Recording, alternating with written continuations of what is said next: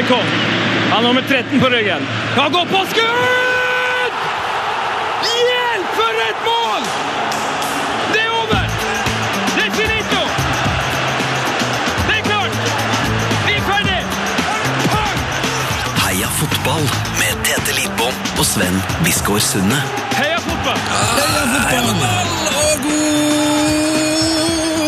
Fredag til Eller lørdag eller mandag eller tirsdag. Ja, ja, ja, ja, ja, ja, ja, ja. God dag. God dag. Eh, jeg, jeg bare, jeg har, vi har fått en del mail i det siste på at folk ikke helt vet hvem er. De mikser. Hvem er han med afroen, eh, han, hvem er trønderen og sånn. Er, Ja. er Sven? Er sørlendingen? Er Ja, han med det lyse håret? Jeg er Tete. Jeg er Tete. Tete, rockestjerna. Uten afro. eh, Det, vi har faktisk vært og tatt nye pressebilder nå, sånn at eh, folk kan se oss sånn som vi ser ut akkurat nå. Gud, det jo helt vilt. Jeg har ikke forandret meg så mye som det. Nei, Du har, du har uh, tatt noen stilendringer. ja, jeg kan love at vi kjører noe voldsomt med blue steel-blikk på noen av bildene. bildene. Det kommer til å bli stygt. Åssen gikk det på rocketurné? Jo, kjempefint. Eh, hadde en eh, opplevelse eh, for eh, livet eh, på Røros. Ja, dere spilte i et hus. Vi spilte i et eh, gammelt MC-hus der det bodde to ganske artige karakterer, Wow. for å si det mildt. Eh, ellers da, en bra fotballuke. Ja, Tottenham eh, ruller nå videre. Rosenborg hadde en litt tung eh, serieåpning, men det, det er for så vidt greit for meg, det. Nå tror jeg Tottenham eh, vinner serien. Du, du tror det? Ja. Jeg tror Rosenborg vinner serien òg, bare så det er sagt. Eh, De må bare finne ut av hva de skal gjøre med den sentrale midtbanen. Ja, De må i hvert fall slutte å kalle det for Konradsen-rollen, og så putte Mike Jensen der. Ja, det er jeg ikke så sikker på det. Jeg er ikke så sikker på det. Det tenker jeg du. Altså, United eh, har, du, har det litt tungt for tida, eller? Åh, åh. Ble det ikke Europaliga eller? Nei, det var litt greit, tenker jeg. Uh, alltid kjipt å tape mot Liverpool, erkefienden, men um, for som fortjent har, ikke, ikke bedre, rett og slett. Nei. Men jeg så kamp sammen med min kjære far i går, og pappa syns jeg pinpointa det ganske bra på slutten. Han bare Ja eh, Han har ikke sett så mye United i det siste, så var bare sånn "Er- Er de så dårlige som det er? Har de blitt et så dårlig lag? Ja. Så var det, ja, de er det. Han bare, ja, jeg føler ikke det er noe lag. Nei. Så det er, er mye galt i Manchester United. Skal vi snakke om noe hyggeligere nå? Du, det skal vi gjøre. Eh, og altså, dagens gjest har jeg gleda meg noe voldsomt til å snakke med. Skal vi bare ta han inn med en gang? Oh yes. Oh, yes! Heia fotball. Heia fotball! Heia fotball! Eh, ukas gjest er en av de norske fotballutøverne med aller størst internasjonal suksess de siste ti årene. Tete Lidbom. Han har styrt cupfinale, eh, kamper i Champions League, styrt kamp i Tippeligaen. En endeløs rekke med ganger. Han har til og med styrt kamp i EM-sluttspill, Tete. Og det er det ikke mange som har gjort Nei. fra Norge de siste eh, 16-17-18 årene. Han er òg noe så sjelden som en fotballmann som nå jobber som psykolog. Han har vunnet Kniksenprisen en rekke ganger og blitt vurdert av Fifa til å være en av de dyktigste i sin posisjon. Tidligere fotballdommer Tom Henning Øvrebø, velkommen til oss. Tusen takk, veldig hyggelig å være hos dere. Ja, Glemte vi noe i, CV-en her? Nei, Det hørtes eh, nesten litt i meste laget ut, eh, men eh, det er jo alltid hyggelig å få skryt på en fredag før man tar helg. Har du, du har vel òg styrt kamp kanskje i Adecco? Eh, hvor dømmer du nå, eksempel? Nå er jeg, briljerer jeg på 2006-laget til Klemmesrud, Klemetsrud. Dømmer ah, ja. fast eh, femmerfotball der og har det veldig moro med det. Femmerfotball? Det er skikkelig, og det er sikkert mange som mener at der burde jeg egentlig holdt meg i alle år. Nei, men, Det, det, tror jeg, ja, men det tror jeg du er helt rett i. men, hvis, men hvis du på en måte du dømmer der, da er det liksom sånn eh, fordi altså, Da er dømming hobby da, for, for er på samme nivå som en fotballspiller eh, har det som hobby? Ja, det er jo det, men i veldig begrensa former nå. da. Det, jeg er med som assistenttrener på dette 2006-laget, og har også da gleden av å dømme dem litt. Ja. Og det er jo moro å kunne få lov å markere seg litt fremdeles. Deilig. Ja. Du, Vårt viktigste mål for den eh, praten i dag skrev vi på Facebook, det var at du skulle bli hyggeligere enn da du møtte Didier Drogba. Ja, men Det spørs når du tenker på når jeg møtte den. Det kan jo enten ha vært i London, men jeg har jo også møtt den senere. så og Det var et veldig hyggelig treff, så hvis dere klarer å gjøre det hyggeligere enn det, så er jeg veldig fornøyd. Så, ha, så bra, for Det var mitt neste spørsmål. Har du møtt Drogba etter, det, etter deres mest kjente møte på Stamford Bridge? Den- Absolutt. Jeg møtte den eh, i, etter denne berykta kampen, så, så ble det et sånn Uefa-høring, og da møtte jeg han i forbindelse med denne høringen da, i, i Sveits eh, noen, eh, noen uker etterpå. Hva, er, det ondt blod, eller har det skværa opp? Jeg følte vel at eh, vi fikk skværa opp litt der i den forstand at vi fikk tatt oss en hyggelig prat og, og, og, og gjorde opp med det, så det, det gikk veldig fint. Hva, hva sa han da? Nei, altså Han bare snakket litt rundt matchen og hvordan han hadde opplevd det, og jeg snakka litt om hvordan jeg hadde opplevd det, og så snakka vi litt om løst og fast, og så, så, ble, det, så ble det med det.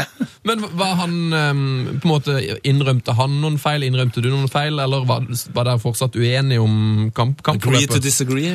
Ja, Vi, vi snakka ikke så mye om akkurat det, det var mer det at eh, hvordan vi hadde opplevd stemningen og hvordan vi hadde oppført oss og litt sånne ting det gikk på, så det var ikke så mye om selve situasjonene, de var vi på en måte ferdig med. Men hvordan er det å ha en, altså Du har jo sikkert opplevd det mange ganger, men å ha en så eh, både kjent og fysisk svær spiller stå og rope deg i fjeset på den måten eh, altså Hva går gjennom hodet til en eh, dommer? da? Nei, altså Nå var jo ikke det første gangen jeg hadde en stor og svær spiller ropende i ansiktet mitt, så, så det var jeg for så vidt eh, vant til. Det har jeg opplevd i alle divisjoner gjennom alle år jeg har dømt, så, så man var litt sånn herda når man kom dit. Men det er klart, det er jo ikke pene TV-bilder, det er jo ikke. og noen ganger så kan man jo også forstå at spillere blir sinte, men eh, der og da så merker du litt det at det trigger litt ubehag, men det må du bare stå i. Mm, hvordan er det Er det liksom som hvis man skal opp til eksamen, at man kjenner liksom at pulsen eh, øker, og du, blir litt sånn svett og nesten litt sånn redd? Hva, hva sånn fysisk, hva er det som skjer? Er ikke så veldig redd, men du merker jo at du lever. Du, du, du, du finner pulsen lett, og du merker at du svetter litt. Og, så det er klart at det mobiliserer litt. men eh, Noe redsel var det ikke, men det er klart du, du, du merker virkelig at eh, nå lever jeg. altså. Men for dem som eh, ikke eh, kanskje så det her eller husker den situasjonen, kan du beskrive hva som skjedde? Ja, Tenker du da selve reaksjonen til Drogba, eller tenker du foranledningen også? Jeg tenker foranledningen. Ja. Ja, for det var jo, altså, det var jo en kamp med, med mye nerve. Det var jo returkampen i, i semifinalen i Champions League. Eh, siste hinderet før finale, 0-0 etter første kamp. Eh, og mm, Chelsea skårer jo et eh, fantastisk mål eh, relativt tidlig. Eh, Barcelona får en spiller utvist. Flere straffesparksituasjoner som er et straffespark, er ikke straffespark, men jeg valgte jo i alle situasjonene, kanskje ikke så lurt sett i ettertid, å ikke blåse. Og det da skapte et rabalder når da Barcelona skåra på overtid. Og det er klart, for det gjorde da at Barcelona gikk videre på, på flere skåra, bortemål. bortemål. Og som da også gjorde at disse situasjonene, da, som i utgangspunktet kanskje ikke hadde blitt så mye diskutert, eh, ble veldig diskutert, nettopp fordi at Barcelona gikk, eh, gikk videre da, og, og Chelsea føl, følte seg fradømt eh, flere, flere straffespark. Så da ble, det, da ble det noen milde reaksjoner fra både spillere og tilskuere. Mildt sagt. Mildt sagt, ja. Nei, for Du sa jo at du, du var litt sånn herda, at du, at du hadde opplevd mange sånne ting. Men på en måte, når var du, når var det du beherda? På en måte, hva var den, husk, husker du den første gangen som du ble skjelt ut, at, at du kjente det skikkelig på kroppen? Ja, Jeg husker, eh, altså jeg begynte å dømme veldig tidlig, jeg var ikke mer enn 13-14 år, og da var jeg også veldig liten av vekst, altså jeg var en liten pingle rett og slett. Og, og den gangen så var det sånn at da var det ikke noe sjuerfotball og, og, og femmerfotball, da var det bare rett ut i, i, i elverfotballen og, og seniorfotballen, og da husker jeg en gang jeg var på, det var nede i 9.-10. divisjon, altså den laveste divisjonen i Oslo fotballkrets, hvor jeg da fikk to store menn som, som sto og, og, og sloss seg imellom, og så skulle jeg da imellom for å ordne opp i dette her. Og så fortsatte de bare å slå- slåss, for jeg rakk dem omtrent bare til navlen.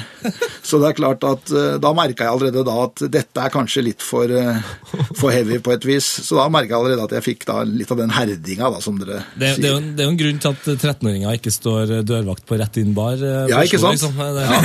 Det, er, det, er en, det er en grunn, det. altså, så, så det er klart Jeg var vel ikke helt klar for det jeg møtte, men etter hvert så fikk man jo mer erfaring med det, og, og steg også litt sånn i divisjonen og, og utvikla seg videre. Men, men hva var det som gjorde at du så ung fant ut at det her det har jeg lyst til å satse på, jeg har lyst til å bli dommer? Ja, Det har jeg lurt på sjøl noen ganger, altså, for det er jo en litt sånn sær greie. og jeg var også når jeg var i den alderen, så var jeg veldig sånn sjenert og, og litt sånn litt sånn stille og forsiktig av meg. Ja. Eh, Så det var nok litt tilfeldig, i den forstand at jeg fikk en brosjyre om det, og så tenkte jeg at dette kunne vært kult å prøve, gå, litt sånn utenfor komfortsonen. Så, så jeg testa det. Jeg var veldig interessert i idrett generelt, og drev med fotball og spilte vannpolo og var veldig aktiv. Og tenkte at det med dømming også kunne være noe, og syntes det var veldig morsomt, og valgte da å fortsette med det i, i 30 år til. 30 år til, ja. Så litt i overkant òg, faktisk. Åssen var din egen fotballkarriere, da? Ja, altså Den er vel eh, ikke all verden å skryte av. Jeg var en eh, habil eh, venstrebekk eh, på Nordstrands aldersbestemte lag. Eh, sier til en av kompisene mine at jeg ville nok kunne klart å spille seniorfotball i tredjedivisjon, men det mener han er helt feil. Det hadde jeg aldri hatt ferdigheter til. Men sjøl så hevder jeg at det ville jeg klart. Eh, Men utover det så var jeg vel ikke noe sånn spesielt talent. Det bodde ikke noe sånn Martin Ødegaard i meg. Eh, Men jeg var et arbeidsjern, da. Fortell, fortell oss litt om Nordstrand. da. Eh, Hva slags, hva slags klubb er det? det er, er de, spiller de på høyt nivå? Nordstrand spiller vel nå i tredjedivisjon, har vært på en måte en sånn stabil tredjedivisjonslag så lenge jeg kan huske. Eh, og Sjøl så vokste jeg opp på Lambertseter, gikk på Lambertseter skole, men mange av kompisene begynte å spille fotball i, Nordstrand, sånn at jeg hang meg på dem. Men egentlig så er jeg jo Lambertseter-gutt. Men jeg har vært da medlem av Nordstrand eh, eh, idrettsforening i eh, mange, mange år. Du, eh, Nå jobber du som psykolog. Ja, stemmer. Eh, Jobber du mye opp mot fotballen eh, gjennom den jobben? Nei, veldig lite. Jeg jobber litt inn mot eh, dommere. Jeg har jo en tidligere kollega som nå er dommersjef, Terje Hauge. Så han bruker meg litt eh, innimellom, men ikke noe sånn at jeg jobber mye inn mot fotball. Men jeg jobber, jobber på Olympiatoppen og jobber mye inn mot andre idretter. Eh, Hvor mye tror du psykologi har å si for, eh, for fotballen? Det er jo fristende å si, si alt, men, men det har jeg selvfølgelig ikke. Men det er klart at det er viktig med gode mentale ferdigheter. Altså, det er det jo som fotballspiller. For eh, sånn, en, en sak som har eh, engasjert i hvert fall meg veldig mye, sånn som når, eh, med Chelsea da, og Mourinho, som på en måte vant serien i fjor, og så falt bare det Hele korthuset laget helt sammen. Veldig fascinerende. Tror du det har vært noen sånn psykologisk innvirkning? Er det noe psykologisk som skjer som gjør at de, at de klapper sammen? Jeg tror i hvert fall at det kan bidra til det. Altså Både det at man kanskje da på et eller annet tidspunkt blir, blir, blir fornøyd, ikke sant? Og, og, og kanskje mangler den lille ekstra gløden som jo er viktig for å prestere. Men også fordi at vi kanskje noen ganger ser jo at det er mye verre å, å forsvare noe og på en måte være i forsvarsposisjon kontra det å komme litt sånn underfra og, og være i angrepsposisjon. Så det kan være mange mentale forhold som også der virker inn, da. Ja, for det er sånn, Du har jo spillere som Eden Hazard, da, som på en måte hadde sitt virkelig sånn gjennombrudd som toppspiller i Premier League året før, Ja. og, så, og så forsvinner han helt etterpå. Er det da rett inn og få liksom, psykologihjelp fra klubbene, eller, eh, eller turer de bare videre? Vet du noe om det? liksom? Nei, Det vet jeg ikke noe om hvordan de jobber med de, de, de tingene der, men eh, det er klart noen ganger er det vel på sin plass. Vi har jo en gammel idrettshelt i Norge som sa det i sin tid, han eh, Bjørn Dæhlie, som jo tok en del både VM og OL-gull, han sa jo det at du kan ikke gå rundt og være verdensmester. Du må hele tida på en måte finne deg nye mål og, og, og nye visjoner og ha noe å strekke deg etter. Mm. Og det tror jeg også er viktig i fotballen, da, at du må på en måte finne deg noen nye ting du da kan utvikle, nye ting du da kan strekke deg etter, sånn at du ikke blir mett og, og lei og, og, og ikke klarer å yte det lille ekstra. Men du nevnte at du har hjulpet dommersjef eh, med, liksom, med din kompetanse. Som dommer, da, eh, der må du jo spille ganske mye inn og ha en sterk psyke. Det skal avgjøres noen voldsomme ting på utrolig kort tid. Ja, definitivt. Og det er klart det at eh, når vi ser på de aller, aller beste dommere, hvis vi da snakker på et internasjonalt nivå, så er det jo ikke bare det at de er gode på å vurdere ting, men også det å kunne stå litt i det stress og det presset det kan være. Ikke sant? Du skal både se, oppfatte, vurdere, beslutte og handle på relativt kort tid. Ikke sant? Du har, må ta en avgjørelse, eh, og du veit alltid at ca. halvparten vil være uenig i den avgjørelsen. Eh, Så det er klart at det er viktig det å kunne ha en god mental styrke, for å bruke det ordet, da, i forhold til det å kunne stå i det, det presset som ofte kan være rundt disse store kampene.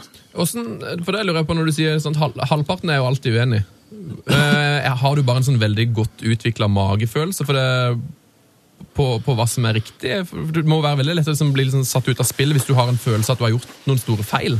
Ja, nå er ikke jeg så altfor glad i å bruke magefølelsen. Jeg tenker at man må bruke sin beslutningsevne og ikke høre så altfor mye på den, for da kan det hende at den ikke kan du si, tar noen vurderinger i det hele tatt. Så, så for meg er det viktig da å, å, å på en måte, når jeg var aktiv, å dømme på det jeg faktisk så, og vurdere ut ifra det. Og så kan jo gjerne den kom, magefølelsen komme, men den kommer jo da gjerne i ettertid. ettertid. Ja. At du da får en liten hunch om at nei, dette var ikke riktig. Ikke sant? Vi nevnte jo denne kampen i, i, i London som fremdeles jeg blir huska for, av, av kanskje gode grunner, så, så har jo da en eh, liten sånn følelse på at nei, det er vel ikke alt som er like bra her i dag. ikke sant? Det, du, er, du er ikke dummere enn det. Ja, for du, du hadde den følelsen når du gikk av at liksom, ok, når, det, når det er sånne voldsomme reaksjoner, så kan det fort ha vært noe som var feil. da. Da sier det seg sjøl at ikke bare at det kan, men da har det helt sikkert vært noe som var, var i hvert fall ganske diskuterbart. Eh, og det er klart at som dommer så er det jo viktig at du kan stå i akkurat det der. Men jeg tenker sånn eh, fotballspillere og idrettsfolk eh, generelt, eh, når de er på sitt beste, så snakker de om, en sånn fly, en flytsone, og nesten en slags autopilot, der man bare leverer. Er det sånn for en dommer òg, at du bare følte at nå, nå bare går det av seg sjøl? Ja, det er det. Ser noen av de kan du si, beste kampene en ofte har hatt, så er det det at alt det rundt blir bare mer sånn perifert støy. da, ikke sant? Du er kanskje på en eller annen stor stadion med 40 50 60 000 tilskuere, men du er på en måte så mye inni din egen boble at du, du legger ikke så mye merke til det. Ser du på klokka, så har plutselig en hel omgang gått, og, og du er på en måte helt i det. Så jeg har nok hatt noen av de samme erfaringene, men dessverre ikke så altfor ofte, da. For det er jo knallhardt arbeid òg. Det er det. Du, Daily Mirror eh, undersøkte noe statistikk fra Oppda i 2001 eh, om at skalla fotballspillere har mer sannsynlighet for å få kort enn spillere med eh, hodet fullt av grått hår, f.eks. Ja. Eh, Thomas Gravesen, Martin Skertel ble, ble nevnt som eksempler. Eh, er det sånn at spillere uten hår på hodet ser mer aggressive ut og dermed havner i dommerens bok pga. utseendet? var det liksom et spørsmål de stilte seg her da. Og du er jo da altså skalla og psykolog og dommer. ja.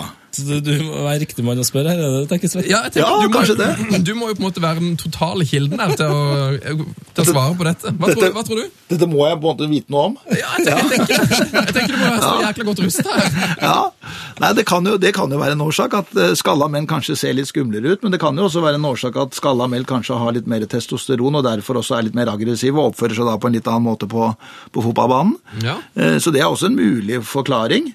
Eh, Men det er klart, du kan noen ganger la deg eh, at Kommer en fløtepus inn i en takling i 100 kontra en med masse tatoveringer og skalla som ser skikkelig sint ut, så er det kanskje lettere å gi han gule kort sistnevnte enn en annen førstemann. Ja. Ja, det, det kan jeg skjønne. Så det, Hvis du tar David Beckham mot eh, Martin Skertel, så forstår jeg jo at eh, det ser litt mer voldsomt ut når Martin kommer inn. Jeg så Bayern München nå for, eh, på onsdag, og han Tiago Thiago der han lille, søte, yndige, vakre midtbanespilleren til Bayern München satte inn ei grisetakling på slutten der, som jeg tror den hadde Skertel fått rødt på. Ja, ikke sant? Ja, ja. Tiago slapp vel omtrent unna med tilsnakk, eller kanskje han fikk et lite gult der. Ja, kanskje, kanskje knapt nok. Ikke sant? Med et sånt vennlig klapp at dette gjør du ikke en gang til. Ikke sant? Ja. Du er, men eh, det er mange dommere som er skalla. Det, Ja. Merker du at du fikk mer autoritet på banen når du eh, hadde den sveisen du hadde? Nei, nå er jo for så vidt ikke den sånn veldig selvvalgt. Eh, Jeg hadde jo liksom valget mellom å være skalla og en liten krans, ja. og da syns jeg at eh, skalla var bedre enn kransen. Ja, det så. Eh, Så, det har noe mer med, med forfengelighet å gjøre. Altså. Ok, så hadde ikke noe, du kjente, kjente ikke noe effekt av det. Nei, ikke noe sånn voldsomt. Hva slags, eh, Beskriv din egen dommerstil. Ja, Hvis jeg skulle oppsummere den eh, med to ord, så ville det vært vennlig og bestemt. Ja. Eh, Jeg har veldig tro på det å få en ålreit dialog da, med spillerne. Og, og prøvde ofte å jobbe med det for å, å få dem litt eh, kan du si, i, i godlune. Og så veit jeg jo det at det var ikke alltid jeg fikk til det, men det var i hvert fall et av mottoene mine, å prøve å, å få til det. Samtidig som jeg også kunne være, være, være bestemt når det var behov for det. Så hvis jeg skulle på en måte oppsummere litt, så ville det vært vennlig og bestemt. Men det er sånn, Du snakker om dialog her, og, og, de fleste som har spilt fotball, vet jo at liksom det å ha kapteinspinnet, da, da, da er liksom egentlig en sånn automatikk at det er du som skal snakke med dommeren hvis det skjer noe. Men Ja. så sitter man og ser på en fotballkamp, og så tenker man er denne regelen glemt? Altså, Hvor deilig hadde det ikke vært hvis det faktisk var sånn at det er bare kapteinen som diskuterer med dommeren? Det hadde vært helt supert. Og jeg ser jo i en sport som er enda mer fysisk enn fotball, nemlig rugby, rugby så er jo det der Etterleves jo det der. Ikke sant? Eh, så jeg tenker at det hadde vært en glimrende idé, for da hadde du sluppet alle disse her eh, ansamlingene og, og tingene som jo ikke er noe særlig severdig, da. Hvorfor får man det ikke til? Nei, Jeg tror man kan få det til hvis man ønsker, men eh, jeg er litt sånn usikker på om man faktisk ønsker det. Og man tenker at nei, men det er en del av fotballen, og vi må tåle at folk reagerer. Men jeg syns jo noen ganger at det går litt vel langt, da. For Jeg var nettopp og så håndballkamp her i Trondheim, og det- var sånn Jeg ble helt sjokkert over hvor disiplinerte altså unge håndballspillere er på Ja, ja, å la dommere Ja, ja. dømme. Ja, ja. Nei, det er veldig fascinerende. Jeg ser, jeg nevnte dette 2006-laget jeg er litt med på. Der har jo spillere allerede lært seg å kjefte litt på dommeren og filme litt og sånn, så det slår slår vi knallhardt ned på. Da er det to minutter på benken og, og hvile. Det er kanskje noe man kunne vurdert i fotballen? Fått på noen to minutter. Ikke sant? Det kunne kanskje hjelpe litt. Men uh, det, det, vi kan jo ta litt sånne regler og regelendringer, for det, det vil jo komme nye ting. Ja. Fotballen utvikler seg jo. Hva, hva, hva er, vet du om noen regler som er på vei inn? Nå følger ikke jeg så tett på med fotballen eh, lenger, men nå diskuterer vi blant annet det som har kommet opp nå, er jo dette her med den såkalte videodømminga. da. Eh, Så jeg tror at det bare er et tidsspørsmål for, før det tvinger seg fram med de summene og den teknologien som nå er til rådighet. Så, så tenker jeg at det med, med, med videodømming tvinger seg litt fram på sikt. Er det noe dere ønsker velkommen, eller? Ja, som sagt, for egen del, eh, i, i, i femmerfotballen på Klemetsrud så er det ikke så aktuelt med videodømming, men, eh, men jeg tror nok at eh, mange i toppfotballen nå etter hvert har sett at det kan være en fin ting. Mm. Så jeg tror nok mange er tilhengere av det. Og så er det selvfølgelig en del utfordringer også knytta til det, med tanke på hva skal man kunne gå inn og og vurdere, ikke sant, og, og hvor skal man legge lista. Men eh, jeg tror nok det er liksom den neste store tingen som kommer, da, for å si det sånn, enten den da blir om fire år eller åtte år.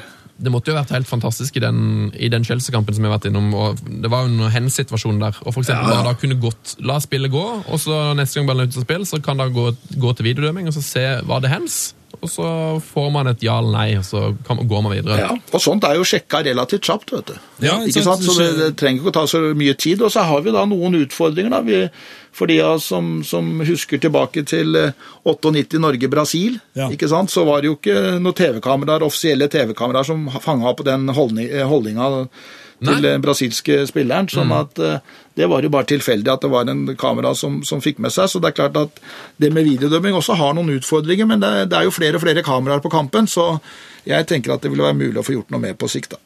Så du er positiv. Jeg er positivt. Veldig, veldig, veldig bra.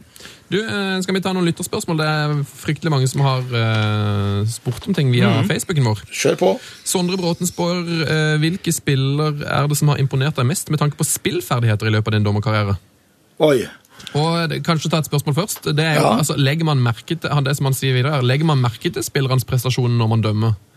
Får du liksom sett noe på spillet? Du har jo på en måte beste plassen eh, av alle. Ja, altså man får, jo, man får jo sett litt, og man legger jo merke til ting, men det er klart man lever jo også veldig i det. Mm. Så det er jo ikke alltid man kanskje får med seg hvem som er den beste spilleren, og, og hvem som gjør de, de klokeste tingene underveis. Men det er klart at en, en spiller eksempel som, som Messi, eh, noen ganger når jeg har dømt han, jeg husker annet mot eh, Lyon en gang, eh, i det franske laget, hvor han omtrent brukte noen av spillerne som rundingsbøyer. altså.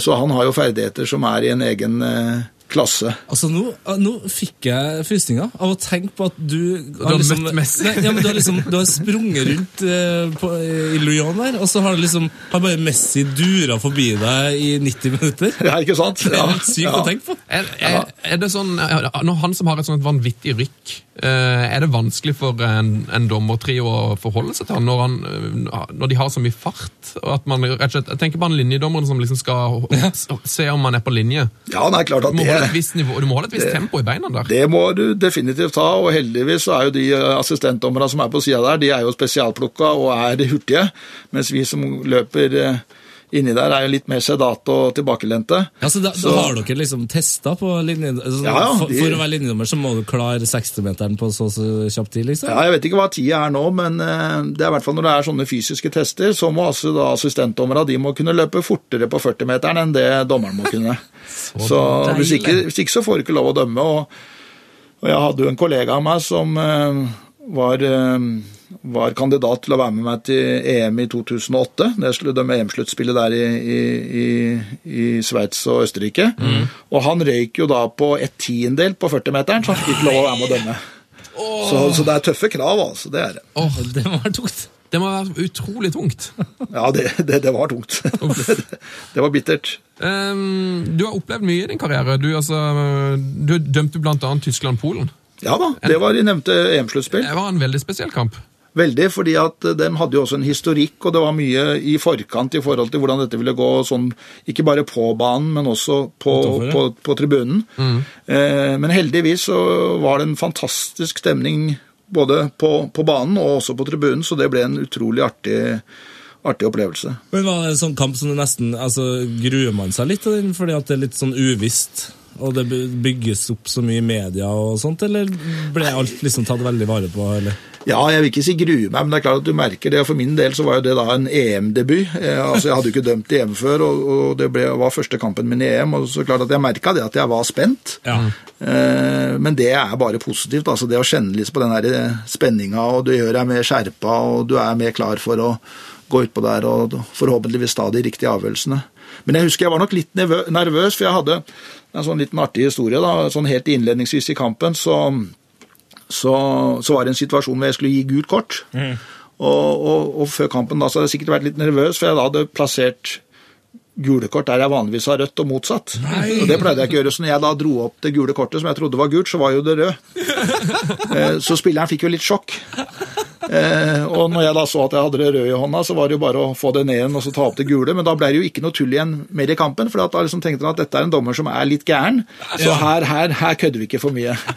Så, så det var litt sånn hell i uhell, da. Ja, art by accident, du fant opp et nytt triks. Ja, ikke sant? Jeg lata som jeg ga det rød, og så ble det bare det gule. Eh, Nå har vi snakka om to helt vanvittig store, kjente kamper. Eh, Hvis du ser bort ifra det, hvilke andre kamper er det du husker best?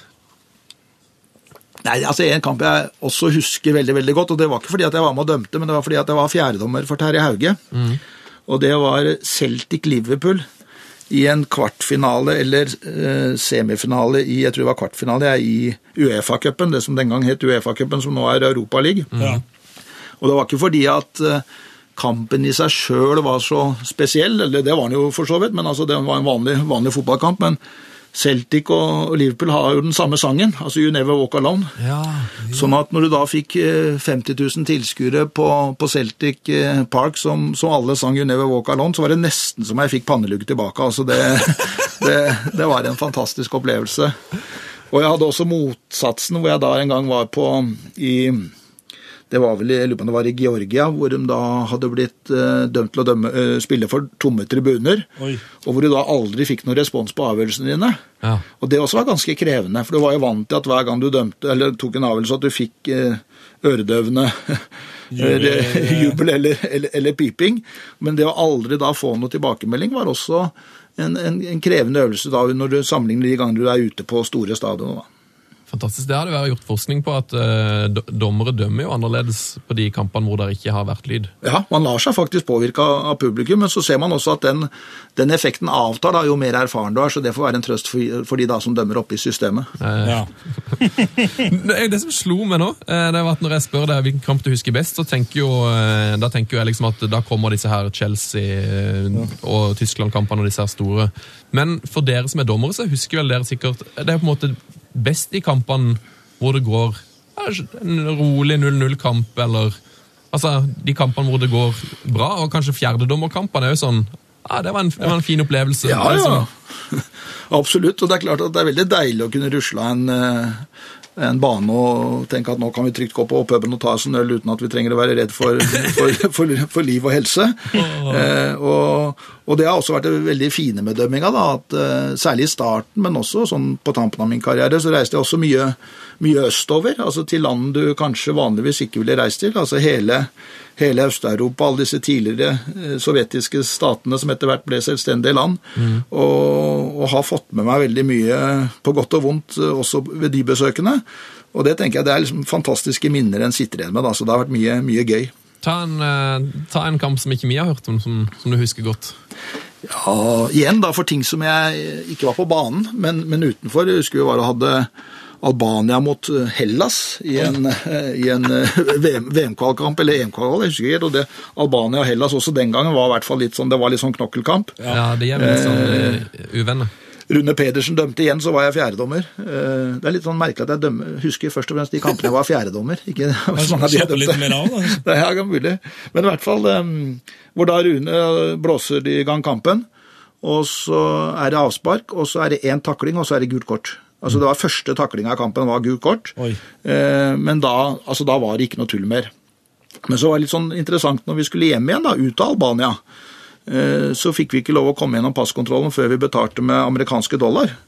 Eh, Og det var ikke vi klar over, så vi hadde ikke med oss cash. Vi kunne bare betale med kredittkort, men det var helt uakseptabelt. da. Ja. Så vi måtte da bare vente. Vi fikk ikke lov å reise ut av landet. og Vi tenkte at vi hadde ikke noe særlig lyst til å være i Albania, selv om det var hyggelig vertskap og godt ivaretatt, så, så hadde ikke vi noe lyst til å være der. Og Rune Pedersen husker jeg ble ordentlig forbanna. da, liksom Trua med Fifa og Det var ikke måte på. Men de var det sto steinhardt på sitt, at de skulle ha så og så mange amerikanske dollar da før vi, før vi slapp ut.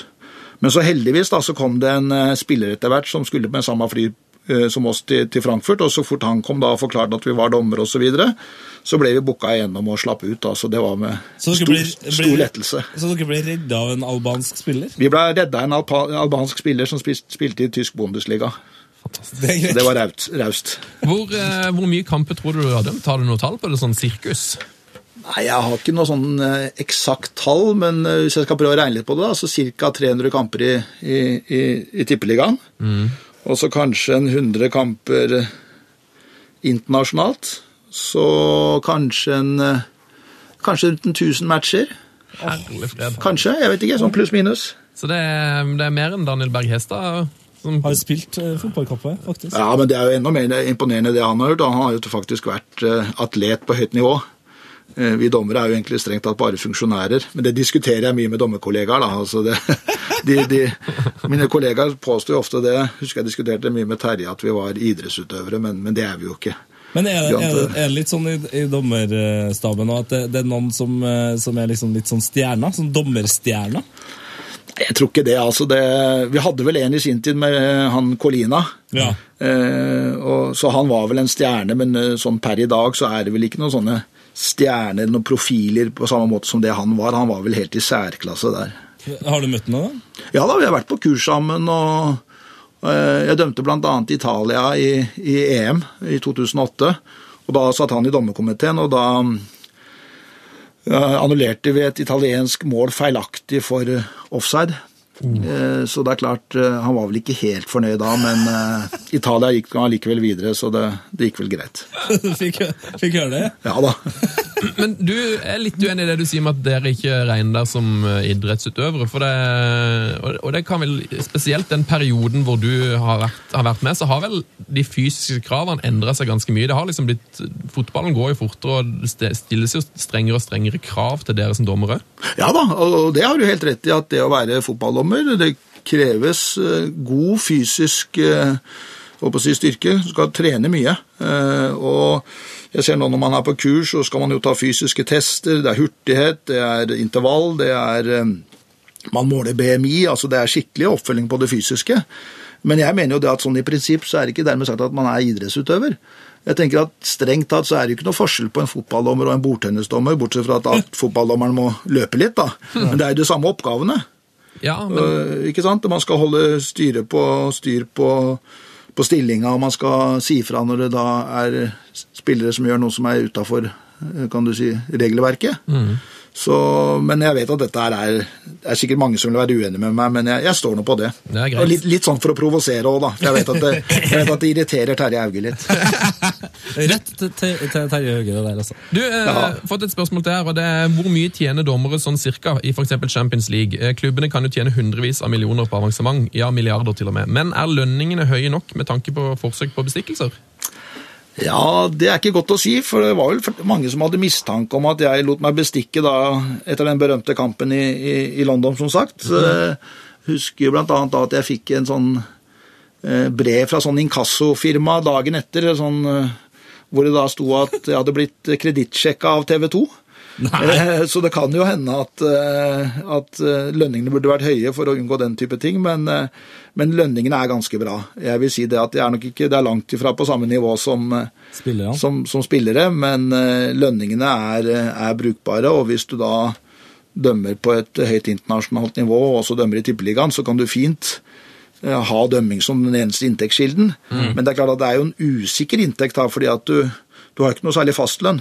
Nei. Sånn at du er jo avhengig av da at for det første at du presterer for å få kamper, og at du også da holder deg skadefri. Eh, For hvis du da blir skada eller ikke presterer, så får du ikke noen flere kamper, og da mister du også betydelig lønn. Er det Champions League som er det som er best betalt, eller? Ja, det, det tror jeg nok. Hvordan det er nå, det vet jeg ikke, men i hvert fall når jeg ga meg, så var det jo fort da en eh, litt avhengig av hva kursen på euro var, men rundt en 40 45 000 for en kamp i Champions League. Ja, og da er, da er kost og losji og alt? Ja, da er alt dekka. Da flyr de på business og bor på skikkelige hoteller og har det egentlig ganske bra. sånn at eh, det er da mer som en kan du si en lønn, men det er ikke da bare for kampen. Det er jo da også for at du kan du si, i forhold til det treningsarbeidet du legger ned, forberedelser osv. Så videre. sånn at eh, det må ikke bare ses da som en del av de 90 minutterne. Du er på reise da minimum tre dager. Eh, Du har gjort mye forberedelser, det er en del etterarbeid. sånn at selv om kanskje den summen høres høy ut, så, Det er så er det mye arbeid som ligger, ligger i det òg. Altså. Ja, det er 7000-8000 i døgnet. Ja, er ille ut. Ja. Ja. Er den lønna lik for en norsk dommer og en albansk dommer? ja. Ja. Den er flatt, liksom. Den er, den er, i hvert fall var det. Om han er det nå, det er jeg litt usikker på, men han var i hvert fall det når jeg var aktiv. Så uavhengig av hvilken, eh, hvilket land du kom fra, så fikk du den samme kan du si, godtgjørelsen når du da var ute i, i, i Champions League. Det var bare, bare Colina som fikk litt mer. Nei, det tror jeg ikke. Jeg tror han også fikk den samme. Vi har fått et lytterspørsmål fra våre gode venner i en annen podkast som heter Wildcard FC. De spør hva er det verste en spiller har sagt til ham? Det verste en spiller har sagt til meg Nei, altså det, det, det, går jo ofte inn i det ene øret og ut av det andre. Men jeg husker Myggen en gang. Han spilte, dømte han en gang på, på Åråsen. Tror det var, var sikkert det var et Lillestrøm Start. det da. Ja. Og da husker jeg han sa en gang at du Tom Henning, nå må du skjerpe den lille hønsehjernen din. Eh, så det var jo kanskje liksom sånn Det var jo kanskje litt unødvendig, syns jeg. Men eh, utover det så har det vel ikke vært det. har vært- Det er mye sånn neander... Jeg syns jo det var litt kreativt, da. Ja, ikke sant? For det, det tenker jeg jo at det, Ja. det husker man jo i hvert fall. ja, det var litt sånn kreativt. En sånn dommerjævel og, og flytte en feite ræva di og sånne ting. Det er liksom mer sånn det er mer sånn standard. Ja, det Men sånn jeg syns jo den der var litt mer kreativ, da. Fikk han, den, fikk han gult kort for den? nei, den syns jeg var såpass bra at den, eh, den var innafor. Ja, det er fantastisk. um, skal vi ta et spørsmål til her, da? Er det, det er mye du allerede har besvart. Eh, men ehm, vi har en regel vi har lyst til å få innført. Ja, Ja. Og den, den jeg mener jeg, Vi har snakka om den mye, jeg synes han blir stadig bedre. Vi har en regel som vi vil kalle offzone-regelen. offzone, ja. Offzone, ja. Ja, Det er at man lager en sone rundt cornerflagget. ja, Gjerne på 9,15 meter. ja. Uh, og så inni der har man Det laget som leder, har ikke lov til å oppholde seg der en, i mer enn for fem sekunder når det begynner å nærme seg slutten av kampen. Fantastisk idé, vet du. Mm. Ja, Siste 15 minutteren, slutt med det. Offzone. Veldig enig. veldig enig. Høres veldig bra. Kan du tenke deg noe verre det kan du kommer på slutten av eh, kampen, og så er det om å gjøre liksom å spille bort ved cornerflagget hele tida? Ja. Ja, veldig kjedelig. Men så... har du som dommer opplevd at du har liksom vært litt sånn Kom igjen nå. Altså, for det, det blir jo også masse sånn Sånn tullete holding og elendige taklinger og poling av ball og altså, Har du liksom reagert? Har du prøvd å liksom opp, oppfordre spillerne til å bare Kom dere ut derifra nå. Ja, jeg har jo prøvd det, men det er jo sjelden at du får noe særlig gehør. altså, De liker seg der borte, borte da, i hjørnet. Hvis, det, hvis de leder 1-0 og det er fem minutter igjen, så vil de jo helst være mest mulig der og få den corneren de gjerne ønsker, istedenfor å få et mål til. Veldig merkelig. Men nå, du, du likte jo den regelen eh, i utgangspunktet. her. Hvordan går vi fram for å få den innført? For det hadde jo vært helt topp hvis P3 endra norsk fotball og fikk innført en ny regel her. Nei, I første omgang så ville jeg da prøvd å bare bombardere Terje Hauge i Fotballforbundet med mail. Ikke sant, og sagt at dette er noe vi, vi går for, og så kanskje høre om han kan være en talsperson inn i Uefa og Fifa. For det er jo Fifa og, og de som da tilhører dette såkalte International Board, som da sitter og, og, og styrer dette her. Og det er jo en gjeng med kan du si, konservative karer godt opp i åra. Så det, det, det må nok regne med å bruke litt tid på den prosessen her, men jeg ville nok ikke gitt meg med det første. Så det å ha tålmodighet og litt stahet i forhold til det, det, det er nok viktig for å få den regelen gjennom. altså. For det her blir jo som tilbakespillsregelen, tenker jeg. det, Ja. var, det var et problem som de hadde med tilbakespill, og så fant de på en regel som liksom Nå er vi kvitt det. Ja, men øh, den funker jo. Ja, ikke sant? Det funker jo som bare. Deilig Så- liv etter, eh, etter eh, Ja. Altså. Så jeg syns at det kan være verdt å prøve ut, øh, prøve ut den regelen dere også nå var inne på. Får du, du må gi oss noen e-postadresser litt sånn etterpå her. Det skal du få. Så skal jeg sette i gang en prosess. Ja, ikke sant? Veldig bra. Har du en favorittregel? Om jeg har en fa- fa- favorittlegel? Ja. Ja, Det vil vel være at kampen er slutt etter 45 minutter. Det, det er veldig deilig at det er på en måte en slutt på det, at det ikke er noe som skal vare i det uendelige. Ja. Så det at det er to ganger fem år før du er veldig avgrensa på det, det syns jeg er veldig deilig. Er det noen regler du ikke syns funker? da? Det er mange, veldig mange som klager på dette med hands og holding i felt. og... Ja, det med holding syns jeg faktisk har blitt mye bedre nå, med tanke på også at de har dommere som nå er bak eh, kan du si hvem målet der, som også observerer en del inn i feltet. Men, men hands-regelen er jo utfordrende. Den, alle som da Uh, har sett meg dem, jeg vet at, det, at den, den, den, blir noen ganger litt sånn vanskelig. Når er det unaturlig, når er det naturlig? Var det ball som søkte hånd, var det hånda som søkte ball? altså Den er ofte trøblete. da. Fart og avstand. Ja, det er mye å ta hensyn til da, i løpet av bare noen tiendedeler. Ja, det... så, så, der kunne det jo vært sånn at bare ballen treffer hånda, så er det hens. Det hadde gjort det lettere. Ja, for Der tenker jeg også en sånn veldig rar greie med at uh, du ser flere og flere spillere, spesielt da backer, uh, tar liksom hendene bak ja. for at det kommer et innlegg. Og så blir det jo av og til så blir det faktisk straffespark da, på et innlegg som kanskje ikke hadde kommet til å blitt en sjanse engang. Ikke sant? Eh, der burde det jo kanskje vært snakk om eh, indirekte frispark, eh, når liksom det ikke ser ut som det skal bli mål ja. på den hendelsen, ja. istedenfor å få det her fryktelige straffesparket. Ja, og da får, du en sånn tilleggsgreie. Da var det da en, kan du si, en god sjanse eller ikke. Så det, det, kan jo også være med på å komplisere litt. Da. Men, men sjøl syns jeg i hvert fall at hens kan være utfordrende noen ganger. da. Mm. Og har nok også bomma der noen ganger. da, når, når, du er inne på feil, så kan vi ta et spørsmål her fra Audun som, Audun Tenden, som ja. uh, sier at han ikke får fred før du har gitt et ærlig svar. Uh, kan han svare på om han gjorde noen feil i Chelsea-Barcelona-kampen? Da skal Audun få lov å leve fortsatt med den uroen der. Ja. Uh, fordi at jeg tenker at det, det er, den kampen der får leve litt sånn sitt eget liv. jeg tror at alle som har greie på fotball, for å si det sånn, skjønner at alt som ble gjort der, er ikke riktig. Og så får jo da folk sjøl velge hva var det som var rett, hva var det som var feil. Den diskusjonen kan jo fortsette. Mm. Men jeg kan, fall, jeg kan, i hvert fall, da si såpass til Audun da at alt som ble gjort, var ikke rett. Og så får han da sjøl tenke på hva var det som var feil. Helsike, det er jo, det er jo pås påske snart, så det er jo bare å sette seg ned og få se den kampen her, så kanskje årets påskekrim redder, rett og slett. Ikke sant? Så, men, men, men fasiten kan ikke jeg gi. Jon Fredrik Klausen spør um, hadde Tom Henning som dommer på en treningsleir i Spania for noen år siden. Jeg spilte ikke for noe topplag, for å si det sånn. Så spørsmålet blir hvorfor er en av Norges beste dommere eh, Hvorfor dro han til Spania for å dømme treningskamper mellom middelmådige juniorlag? Nei, det var vel, hvis jeg husker hvilken eh, si, turnering eller sånn samling det var, så var det rett og slett at det var indre Indre Østfold eh, reisebyrå, som inviterte meg ned på en samling. Jeg fikk reise med eldstemann og meg, fikk en fin uke utafor Barcelona, samtidig som vi dømte noen kamper og bidro litt på fotballbanen. Aha. Så det var en kombinasjon mellom ferie og, og forpliktelser. Så det var veldig ålreit. Eh, har, eh, sånn, har, du dømt mye sånne, sånne type Holdt på å si, sånne type turer hvor det er sånn, en slags pakketur, da? Nei, ikke mye. Det er vel den i Barcelona. Og så var jeg med Flisekompani en gang på en tur til uh, Tyrkia.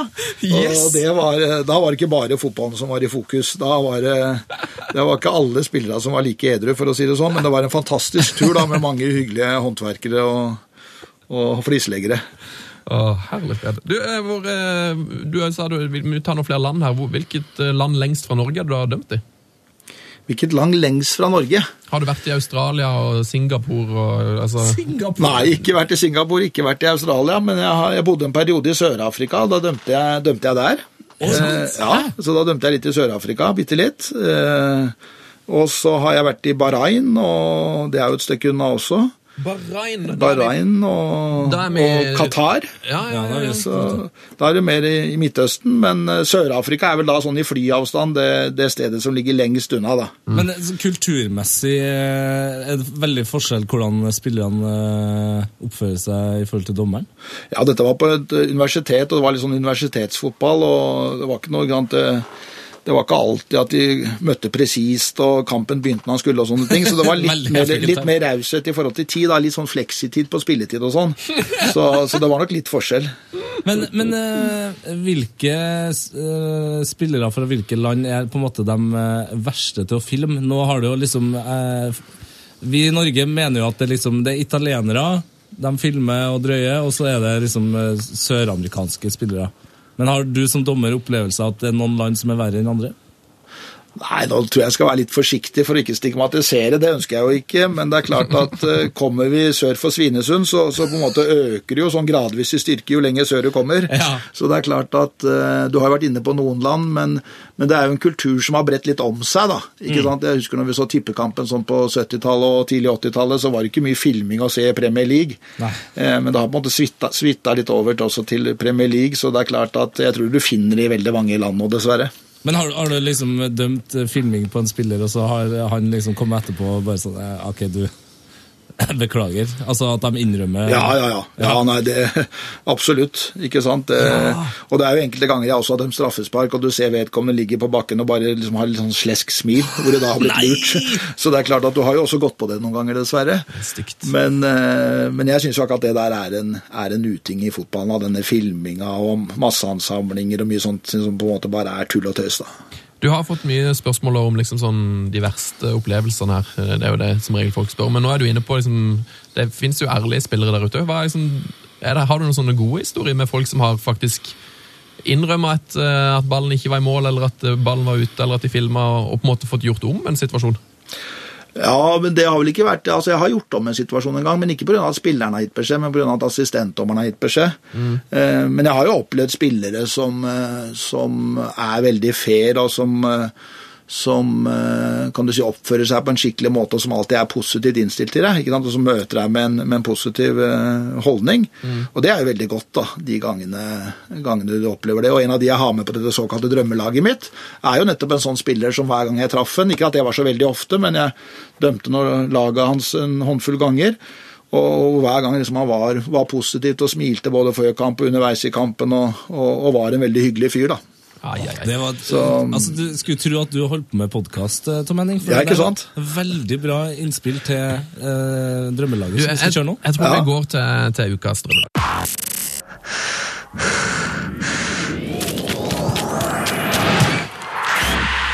P3s Heia fotball med Tete Lidbom og Sven Biskår Sunde. Det er klart for uh, ukas drømmelag, uh, hvor vi utfordrer gjestene våre til å ta med seg ja, et, egentlig et drømmelag er av liksom, fri vilje. Ja, Ja. ja, Hvilket tema som eh, helst. Og Tom Henning, hva har du eh, tatt med? Nei, da må jeg jo understreke at uh, i forhold til de spillerne jeg valgte ut, så er det litt forskjellige årsaker til at jeg valgte dem ut. Så det er ikke bare det sportslige. Så jeg må få lov å bare si litt sånn kort om hver enkelt spiller. Har vi tid til det? Selvfølgelig. Ja, det vi har så mye tid vi bare tid vil. Ja, nei, men veldig bra. Perfekt. Men da begynner jeg med keeperen. Ja. Han er jo en viktig, viktig spiller på laget. Og da har jeg valgt altså en spiller som sikkert mange ikke har hørt om, men en som heter Tore Haugvalstad. Tore Haugvalstad. Har dere hørt om han? Det, Nei, det vil jeg ikke tro. Det googles. Det, vi googler Det, det bør googles, fordi at jeg hadde altså da en fetter som kjente denne Tore Haugvalstad. Og når jeg da var en åtte-ti år, så syntes jeg det var veldig stas at jeg hadde en fetter inne i familien som kjente en potensiell toppkeeper. Mhm. Og han da spilte tilfeldigvis på Viking. 288 kamper for Viking, sier? Wikipedia. Ja, og det var også årsaken til at jeg begynte å holde med Viking. Ah. Ja, det var altså da at jeg hadde en fetter som kjente Tore Haugastad. Derfor begynte jeg å holde med Viking. Og det er klart, når du bodde på Lambertseter, drabantbyen, blokkebarn, eh, hvor da 95% om ikke 99% holdt med Vålerenga, så, så var du et lett mobbeobjekt når du da holdt med Viking. Men heldigvis så var dette her litt sånn i storhetstida til Viking. Så det var veldig lett ofte å komme på skolen på mandager og, og ha dratt i land nok en seier. da. Så Tore Haugaldstad, han får lov å stå i mål. Fantastisk. Det her tror jeg nesten er første gang jeg har hørt en dommer si hva som er favorittlagene sitt. Ja. ikke sant? For det er vel litt sånn, der kan jo dere på en måte ikke, dere har ikke det privilegiet å kunne si det når dere driver på. Nei, men nå er det jo også noe med at eh, jeg må understreke det at den her interessen for Viking den avtok jo litt etter hvert, så jeg, var nok ikke, jeg er nok ikke like sterk fan nå som det jeg var da tidlig på 80-tallet og seint 70. Har du noe favorittlag ute i Europa? Eller Nei, i ikke nå lenger. Nå følger jeg veldig lite med. Jeg må innrømme det. Ja, nok er nok. Nok er nok, ja. ja. Så har jeg da midtstoppere. Eh, På den ene plassen har jeg da Paolo Maldini. Ja, han- det er jo en klassespiller. Jeg har også fått lov å dømme ham ved et par anledninger, eller vært med på noen kamper ved et par anledninger. Og tenker at han har jo, altså Det er jo en spiller det står eh, stor respekt av. da. Du har dømt Paolo Maldini. Så, så han må få lov å være med der. Eh, og så har jeg en annen, en, eh, norsk legende etter min, eh, min, min forståelse i hvert fall, nemlig Rune Bratseth. Også må være med som, som midtstopper. Eh, Jeg husker fremdeles skåringa han, jeg tror det var mot Kypros på Ullevål eh, en del år tilbake, hvor han liksom løp fra egen 16 og bare elga seg over til motstanderens 16-meter og skjøt ballen rett i, i, i gålen. Det var da han ble elgen, rett og slett. Ikke sant? Det er et mål alle så, bør se. så det er et mål definitivt alle bør se. Og han var jo en solid eh, midtstopper med, med stor internasjonal suksess, så, så han må med. Er, er det litt sånn, litt til grunn i laget her, spillere du har vært borti som du har liksom hatt sansen for? Altså De har vært fine mot dommerne òg? Ja, ikke alle, som vi skal komme tilbake til, Eh, men, men, men, men noen av dem. Okay. Eh, eh, og så vil jeg da På venstrebekken så vil jeg selvfølgelig da ha med meg sjøl. For jeg tenker at når jeg nå har plukka Ja. ut en del, uh, del gode spillere, så ville det vært fantastisk det å kunne få lov å oppleve å spille en kamp på toppnivå. Jeg har bare flydd rundt og dømt, ikke sant? så det ville vært artig å, å spilt også. Så på venstrebekken da så er det, er det meg sjøl. Det er deilig å si det til Maldini bra, at altså. eh, i dag blir det ikke bekk på det, Maldini. Nei, ikke sant? Inn på stopperen. Ja, ja. Så, og på høyrebekken så har jeg da valgt gode, gamle Mike Doyle. Mike, Mike Doyle, og det sier kanskje ikke dere så mye. Men han var altså da en fryktet høyreback på Manchester City sånn på 70-tallet. Jeg var tidligere Manchester City-fan også. Eh, Sånn at Mike Doyle han må få en plass. Fantastisk. Så da har jeg hatt med én City-spiller, da. På midtbanen så begynner jeg med William John Bremner, også kalt Billy Bremner. Ja. Ikke sant? Den store Ja. elitespilleren eh, som liksom alle gutta i gata skulle være Billy Bremner. Altså. Ja. Uavhengig av hvilket lag du fulgte med, fulgte, fulgte med mest, og som du hadde som lag, så, så var det på en måte Billy Bremner som var den store spilleren, så han må være med på midtbanen. I tillegg eh, nevnte eh, han jeg var inne på i stad, Clarence Seedorf. Å, Som alt, eh, alltid var en sånn blid spiller og Men Var han det? Ja, alltid. Det var han du nevnte i Ikke stad, sant? Ja. Så, så han tenker jeg han må få plass på dette laget, for jeg husker han liksom bare som en sånn smilende, positiv kar som alltid var eh, hyggelig de gangene jeg traff ham. Uten at det var noe sånn veldig mange ganger, men jeg dømte Nederland noen ganger, og også da Han spilte vel både på var det Milan Altså og Milan og Real Madrid og Ja, Var han innom Juventus òg? Nei. Han var Inter, i hvert fall. Inter? Ja, men det har vært sånn av disse her lagene jeg har, har treff- truffet dem på. Er han så stor og, Eller altså, han er jo ikke høy, men er han så stor og sterk som han ser ut som i virkeligheten? Ja. Han ser ut som en okse! Ja, men han er litt sånn, han er plugg. Ja, flugge. Også for å få med litt sånn et lite snev av litt sånn, eh, kan du si, sositet òg, da, så har jeg valgt å ta med David Beckham eh, også på midtbanen. Ikke kanskje fordi at han er aller best, men jeg tenker at vi må ha litt finesse der også, da. Ja. Så han også er med på, på midtbanen. Og så har jeg da et fantastisk angrep. Eh, Vi nevnte Messi i stad, så han er selvfølgelig med. Han er jo goalgateren og teknikeren. Og i tillegg da, så har jeg tatt med Didier Drogba. Han må jo også få lov å være med. Eh, han er jo en fantastisk god fotballspiller. Ja. Altså, det, ingen skal kunne si noe på det. Og selv om han da har eh, skjelt ut undertegnene, så er han ikke noe mindre god av den grunn. Så jeg tenker at det er tospannet der med Messi og Drogba, det ville være killer i angrep. da. Mm. Og så har jeg den siste, som kanskje ville være en litt overraskelse for, for mange, men det er fordi at vedkommende både har, har vært spiller med stor suksess i det som nå heter Tippeligaen, og som den gang da het eh, Førstedivisjon, Mm. og som også har dømt, nemlig Torodd Pressberg, Oi. som var en veldig bra angrepsspiller på Strømsgodset, men som også da har eh, dømt cupfinale og har vært en veldig god, god fotballdommer. da. Så han var først spiller, og så dommer? Ja, og jeg tror også han har vært trener på toppnivå. Så han har på en måte hatt alle rollene. Han var en fantastisk god dommer også, og en fantastisk god, god spiller. Nils Arne Eggen sa jo det i sin tid at eh, spissparet med Torrod Presberg og, og Steinar Petersen, det ville liksom vært det, det eh, knall, eh, knalt spisspar, da. Så Torrod Pressberg skal du ikke undervurdere. Det er jo helt fantastisk, men det- det får meg til å tenke med en gang Hvilken av de spillerne du har dømt, eh, tenker du at kan gå inn i en eh, lysende dommerkarriere når de legger opp som fotballspiller? Ingen. Absolutt ingen. ja, det, eh, både fordi at det er, eh, det er mye temperament i disse spillerne, og fordi at eh, i forhold til spillelønninger så er lønna såpass mye dårligere, så de hadde ikke giddet.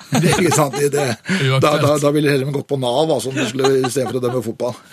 Så, så der har du min, da, min lagoppstilling i en 4-3-3-formasjon.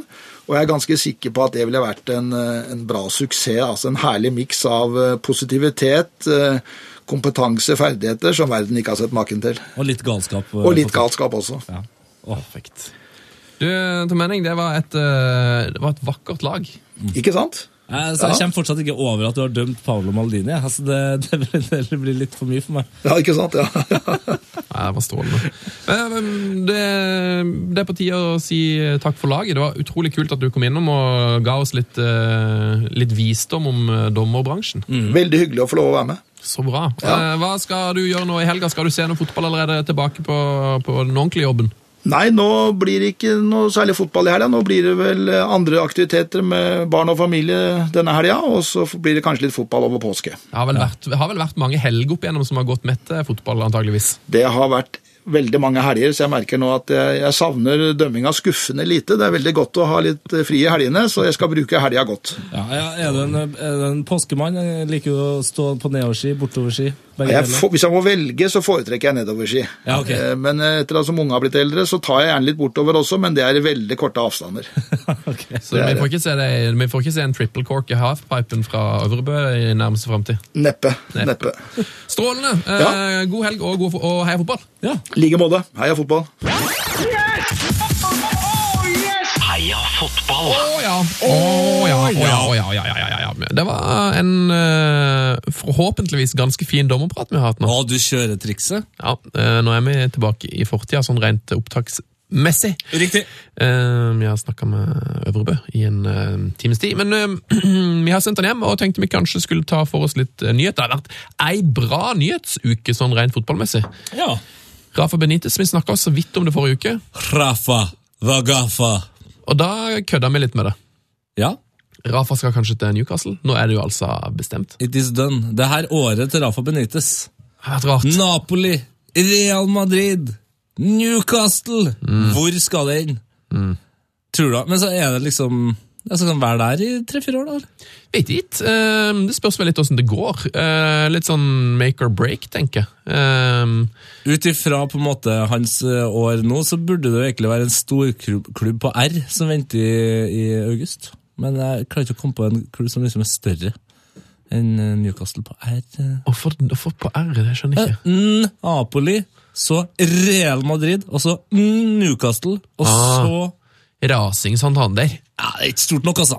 Det er ikke stort nok. Nei. Men jeg har veldig troa på Benitez i, um, i Newcastle. Han er jo en taktiker, og Newcastle har spilt uten taktikk i fire år nå. Så Jeg vurderer faktisk å hente inn, uh, hente inn igjen Jan-Matt på Fantasy nå, bare for å differensieres litt for alle andre som spiller Fantasy. ja, nå tror jeg han er blitt prata om såpass mye, i hvert fall den eneste norske ekte fotballsi, fotballsi fantasy fotballpodkasten jeg vet om. Uh, Så det er ikke sikkert du differ så mye som du tror. Nei, det er ikke sikkert det differ så mye som du tror. Det er ikke sikkert, men jeg, jeg, fikk, jeg hørte på Wildcard sist nå, jeg fikk ikke inntrykk av at de hadde sånn vel, at det var sånn veldig, veldig troa på at Newcastle skulle rydde opp bakover. Nei, nei det Men de var bra mot, uh, Bedre. mot uh, Leicester. De var bedre. Mye bedre. Uh, hva annet har skjedd i fotballuka? Jo, det har vært Champions League og Europaligaen. ja, ja. Hvem er det som er videre? Nei, det er jo de, som, det er de spanske lagene. Stort sett. Og Liverpool. Ikke det?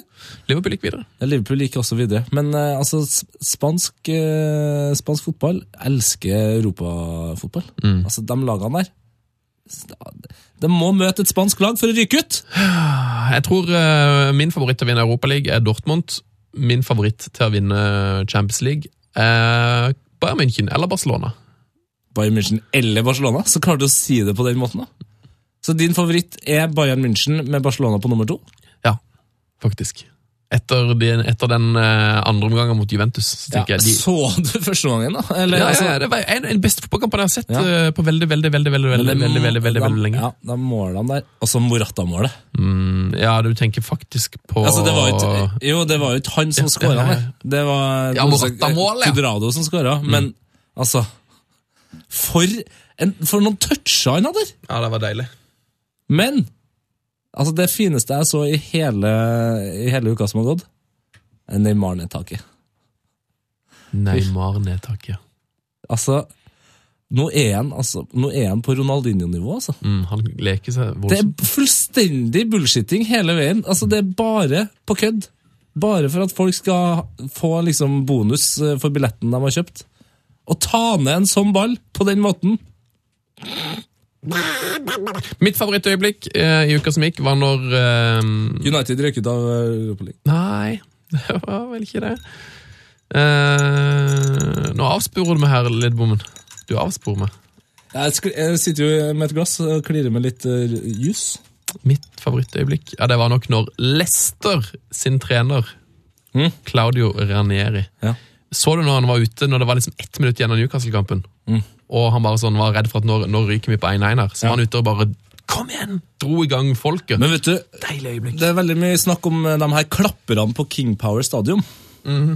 King Power Stadion, ja. Ja. Men, men vet du hva? eneste jeg la merke til under hele den kampen, her var uh, at ja, det var noen klappere der. Veldig sånn nervøs stemning. Og Ranieri sin stemme. Nå skjønte jeg virkelig hvorfor de jobber så hardt. Han skriker jo hele tida! Altså, kontinuerlig kauking på spillerne, liksom. Hver eneste situasjon der Lester Leicester liksom akkurat har mista ballen, så hører du den lyse, gamle, skrøpelige italienske stemmen bare Dere! Drikk vann! Drikk vann! Gå, gå, gå! Drikk vann! Drinkwater! Legg merke til det. Danny Drinkwater er for øvrig på landslaget. Drinkwater? Danny Drinkwater. Ja. Eh, Nå må vi, må vi ha litt tempo på snakkinga. Ja. Ja, det er du som sliter her. Det er det er for du, eh, du fucker med viben min hele veien. Drinkwater. Danny Drinkwater er på landslaget i fotball, men gratulerer med det. Wow, det uttaket der til England Mm. det, er, det er liksom sånn Joe Hart er liksom den råeste spilleren der. Det er på en måte Ja. stjernespilleren. Ja, det er ikke um, Og så har du den mest rutinerte, Milner eller Jagielka. Hamed Miner. Skal ta en nyhet eh, til deg, Tete, som jeg håper du ikke har fått med deg. Uh, Peggy Arfeksad har vært ute nå. Ja.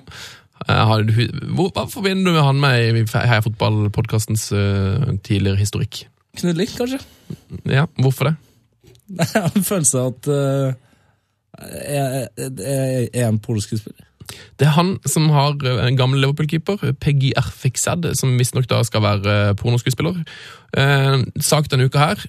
Peggy Erfixad, Jeg er ikke pornoskuespiller! Så nå tar han eh, Nå tar han til Han tar bladet fra, fra munnen til pikken sin og, si, og sier fra. Ja, det er det han har gjort. Han har kledd på seg, og så går han ut og sier 'jeg er ikke pornoskuespiller'. Ja, det er jo en måte å si det på. Ja, fall, eh, Han har har hørt så mye om disse ryktene, så han følte at det var nødvendig å gå ut og si jeg selger forsikring, jeg driver ikke med porno, så alle som driver på og sprer falske rykter om meg, blant annet oss, Ja, Beklager. skjerpings. Sorry, Peggy. Eh, Lord Bentner får sove seg til trening denne uka med Ikke 45 overraskende. -hmm. Ikke overraskende. Jeg hørte ikke klokka var unnskyldninga. Det, det er i hvert fall en unnskyldning, men om den er bra, det Veldig, veldig bra. Eh, har du noen nyheter til oss, en sjef Lars? Ehm, nei. Eller jo, det har jeg jo. Men uh, jeg nekter å komme hjem før jeg får en melodi. Ok, ok. Uh, da skal jeg bare kaste en um, Det er en favorittsak her med noe har, du- hør- Nei, Det er min favorittsak, tror jeg. Det er Casola-gran. Nei. Ja, det er også min favorittsak. Skal du være med allikevel, da? Eh, nei. Nei. Greit. Men jo, Casola-greia ja, som jeg sendte her om dagen. Ja. Fader, det er vakkert, altså. Oh, det er et deilig, deilig klipp. Um, det er et intervju med Arsenal er veldig god på, på internett. ja, booste spillerne sine, eller ikke nødvendigvis booste dem, men i hvert fall eh, vise dem fram ut der. Og det er han og Nacho Moneral som sitter og kjører spørsmål, lyttespørsmål til hverandre. Ja, de intervjuer hverandre. Vi kan bare høre på et lytterspørsmål til gutta boys. Cristiano Ronaldo og Brazilian Ronaldo? Ronaldo. Og hvem tror du han svarer? Cristiano Ronaldo eller Brasilien Ronaldo. Det er vel Casorla som spør eh, Nacho Monreal her? Nei, det er Monreal. Mo Ja, okay. Monreal som spør Cristiano. Jeg vet jo svaret. Mm, Det kan jeg høre. Cristiano Ronaldo og Brazilian Ronaldo? Ronaldo Nazario. For me, Ronaldo Nazario was the best striker in the world, and I love this guy.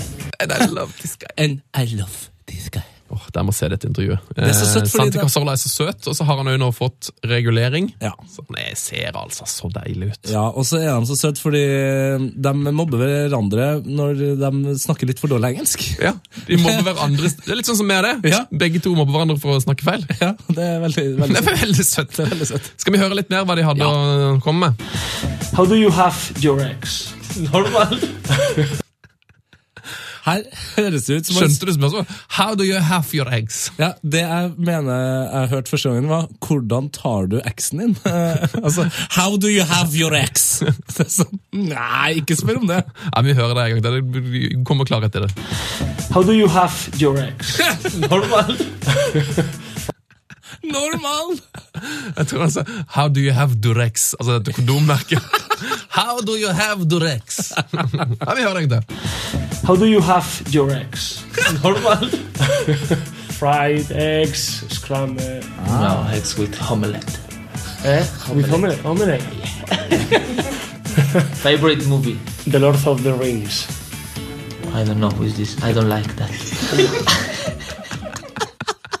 Casorla har en så ufattelig hviskete stemme. Det er sånn homilet. Homilet. Og så bare Lord of the Rings eh, er favorittfilmen til Nacho Moran. Casorla har jeg aldri hørt om. den. I don't heard of this, I don't like this. Nei, dere må se dette. Kanskje vi kan eh, dele det et eller annet sted? Eller jeg tror folk, Ja. Kanskje folk bare finner det? Hvor, hvor er det du fant det, husker du? Jeg fant det på Twitter. Jeg skal prøve å få delt det. Eh, kan vi bare kjapt uh, gå til min favorittsak denne uka her? Yep. Det er altså Maxi Lopez og Icardi. det her trekantdramaet med den her modellen i midten med eh, Altså, hun har jo tre barn med Maxi Lopez.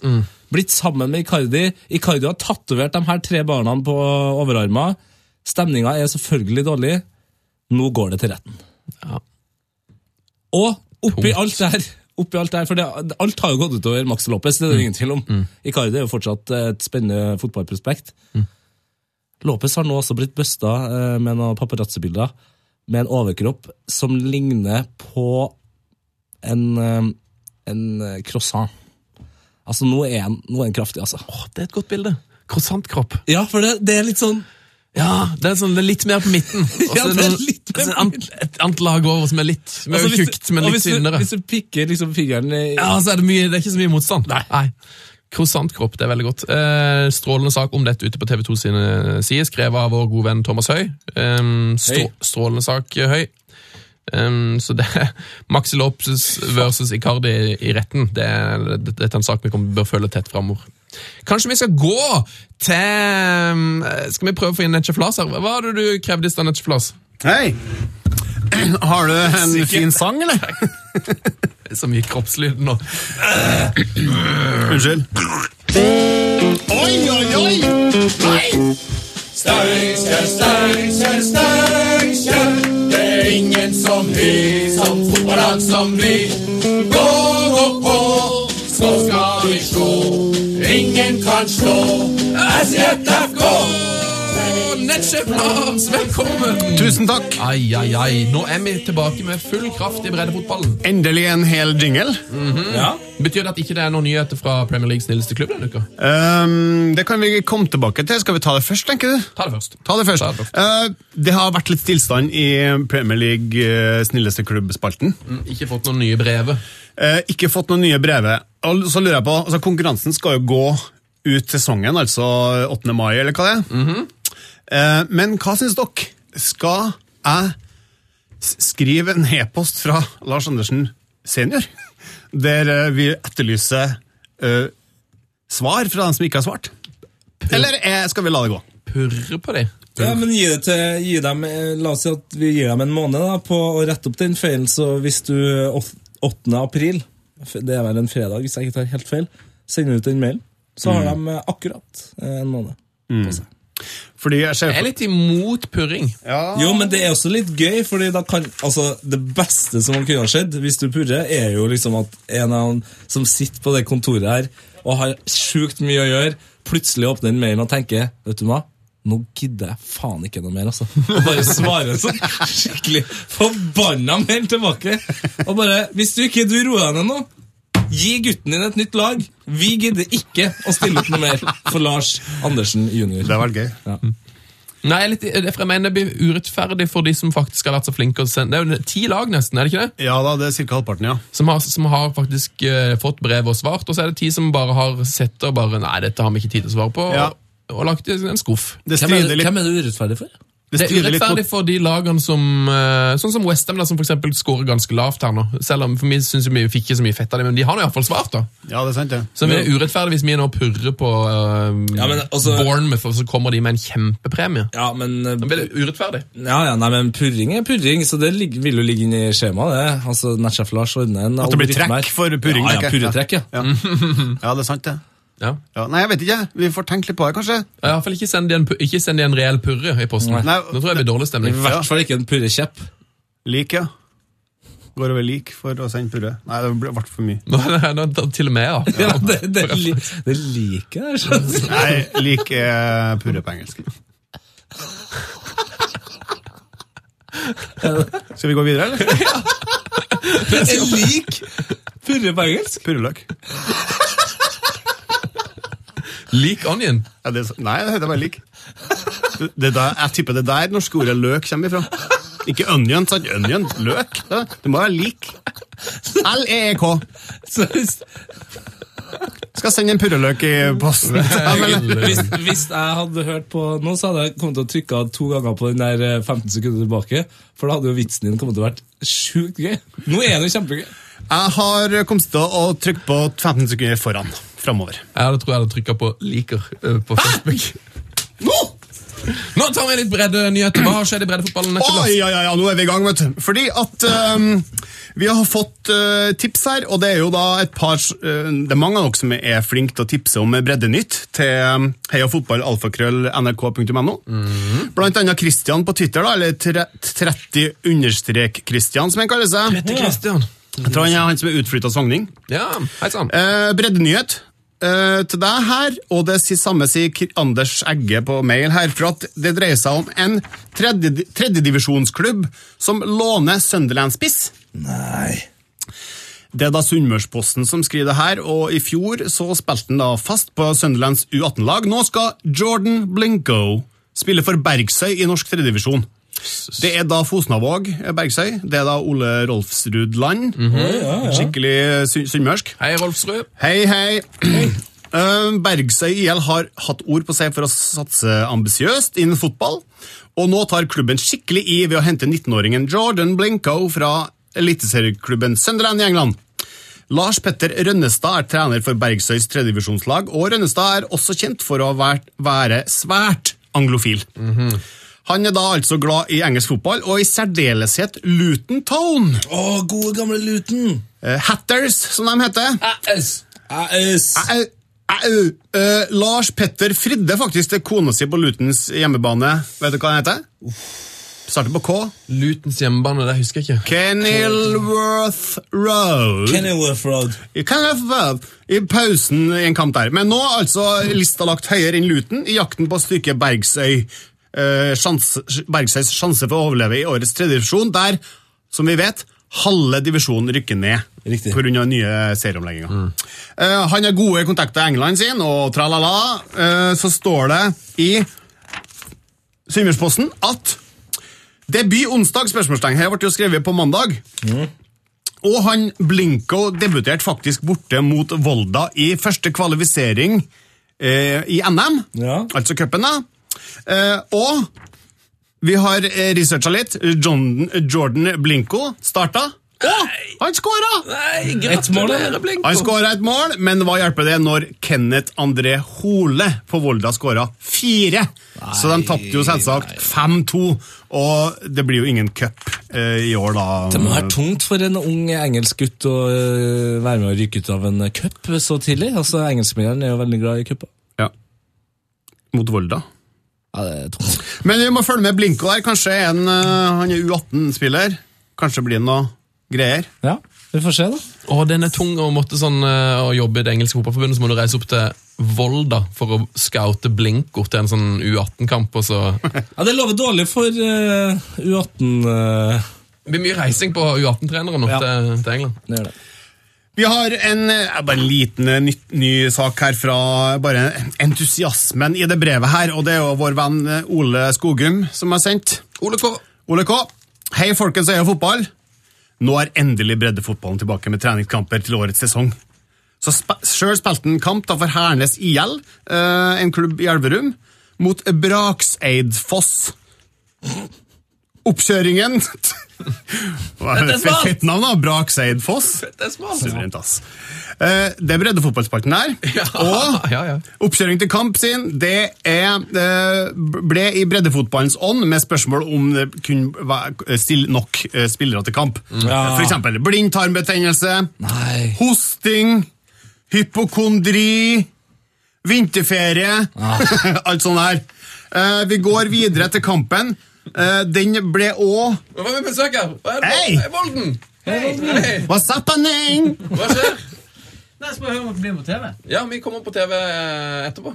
Ja. Vi kommer ned eh, om én time og 20 minutter. eller sånt. Vi har aldri kjøpt mer low scale enn dette. Så deilig. Når dere ned, så aner jeg ikke hva som foregår, bortsett fra at vi er på lufta. Ja, nei, men Da står vi Dette bare og ensomme. Vi er på lufta nå, for å si det sånn. Det er hyggelig! Vi har fått besøk av Odd Rune Volden her, som skal, som skal lade opp til ny tippeligasesong.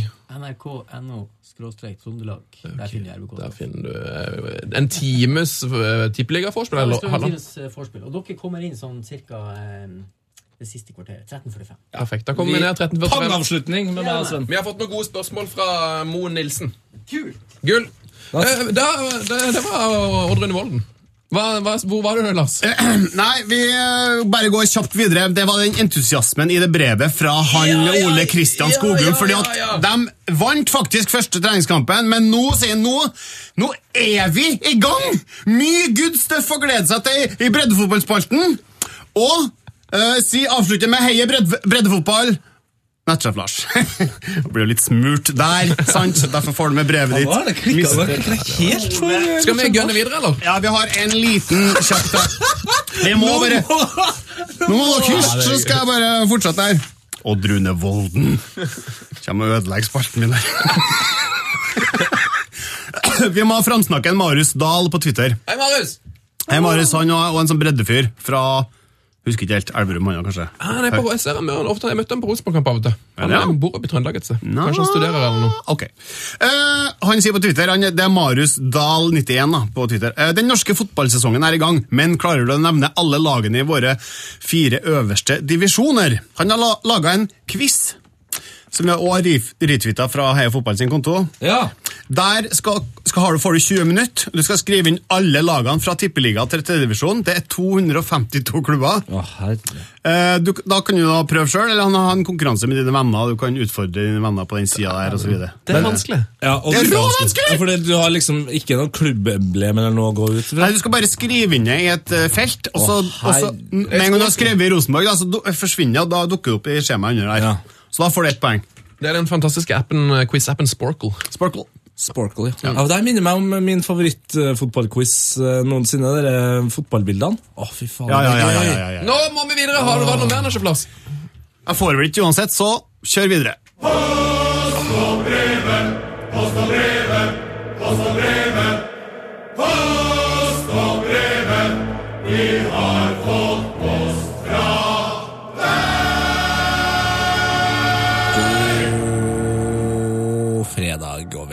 til Post og brevet med Sven Biskår Sunde og Tete Andreas Agbota Lidbom. Jeg Skjønner ikke hvor det ble av all tida. Vi hadde jo egentlig tenkt å ta masse masse, masse, masse post og brev og masse bredde og alt, og vi har bare uh, jabba det vekk. Så nå, det som er ironisk nå, nå har vi dårlig tid for at vi må bli ferdig før Øvrebø kommer på besøk, som egentlig dere allerede har hørt. Ikke sant? Veldig snodig. Men jeg skal bare ta et kjapt brev, for vi snakka om eh, Richters skala forrige uke. Ja, eh, Apropos King Power Stadium, eh, så er det jo Var det sånn at når Uloa, eller Ujoa, skåra, så slo det altså inn eh, på rikt, riktig skala. Ja. Eh, 0,3 på Richters skala ifølge geologistudent eh, ved Universitetet i Leicester. Så Donkey puncha ikke inn på riktig skala, mer som en sånn her. Ja, Vi var jo veldig i tvil om hvor mye det. Ja. Eh, men ikke Espen, sånt. Espen Christensen skriver angående Richters skala for å gi litt kontekst. Skalaen er en såkalt uh, logaritmisk skala, som betyr at for hver økning med én på skalaen er jordskjelvet ti ganger sterkere. Det betyr, sammenlignet med et femårsskjelv, som er et bemerkelsesverdig, men ikke sinnssykt skjelv, er 0,3 nesten 100 000 ganger svakere. Tilsvarende er et sekserskjelv eller syverskjelv sterkt, med en god del skader. Eh, HHV er nesten en million og ti millioner ganger svakere. Henholdsvis, altså. Ja. Så det er da altså ti millioner ganger svakere enn et syverskjelv. Ja, så jeg ser for meg at det Ujoa-målet det altså, slo kanskje ut på samme måte som en T-rex. Vandrer rundt i, i landskapet. Helt riktig. I Norge kan vi ganske ofte få veldig små skjelv. Da er 1,5 ganske vanlig å ha som skala på jordskjelv i Norge. Det er ikke særlig mer enn å til å skape krusninger på overflaten i et vannglass, som vi har sett med T-rexen i Jurassic Park. ja, ja. Men det her er det altså 0,3, som er mye, mye, mye mye, mye svakere. Så det er, det er ikke Det er vel knapt man kan kalle det et, um, et jordskjelv. Ja, jeg tror nok det er bedre å sjekke ut en sumobrytermatch, og sjekke ut hvor mye som eh, går ut da. Du, Vi må vi rekke et kjapt brev. Vi egentlig, skulle egentlig ta en hel haug med brev. men det, for du, det som er foreslått, heter mm, På onsdag så er det jo begynner å nærme seg påske. Ja. Da blir det ikke vanlig podkast, men da kan vi ta og lage en eh, post og brevet spesial. Spesial. Så tar jeg det fantastiske brevet her fra Max, det skal vi ta det da, og så skal jeg ta det fantastiske brevet her fra Håvard Lillealteren. Skal jeg spare de, så skal vi ta de på onsdag. Så send gjerne inn masse brev til oss eh, fram mot onsdag. Vår e-post er heiafotballkrøllalfa.nrk.no. .no. Så blir det altså post og brevet spesial på Det er onsdag. det. Er gullet. Eh, Vi rekker en kjapp brev hvis du har en. Ja, skal jeg ta den her um, St. Patrick's Day Best ja, ja, det har exit? lydklipp og alt. Ok, den er sendt inn fra Det vet vel du bedre enn meg, men eh, kanskje ingen av oss som vet det. Å, det husker jeg ikke i farten. Nei, men Det skal jeg finne ut. det. Det er ikke noe problem. Vi har fått et, eh, Det er jo St. Patrick's Day i disse dager. Ja. Og i den forbindelse så har vi altså fått et veldig veldig fint St. Patrick's Day Exi. Riktig. Uh, og det er ikke så veldig mange kjente spillere. Da, sånn, ikke sånn veldig mange interessante, iallfall. Det er tre veldig store, og så er det et par som er litt sånn eh, kultklassikere, og så er det et par han, andre. Åssen formasjon er det satt opp i? Det er satt opp i en god gammeldags 4-4-2. 4-4-2. Jeg skal gi deg litt uh, irsk musikk, og skal gi deg 16-17 sekunder til dette. Så Ja, okay. du se, om du kan du rase gjennom uh, laget. Ja, jeg skal her, prøve. Her kommer, Hvem er det som har sendt det, husker du? Nei, det skal jeg finne ut etterpå. Her kommer vårt uh, St. Patrick's Day 11. Packy Bonner, Patrick van Anholt, Patrick Muller, Patrick Kishnobo, Patrick Ove Moyola, Patrick Herman, Patrick Nevin, Patrick Vera, Patrick Berger, Patrick Mbona, Patrick Kluivert og Patrick O'Connor!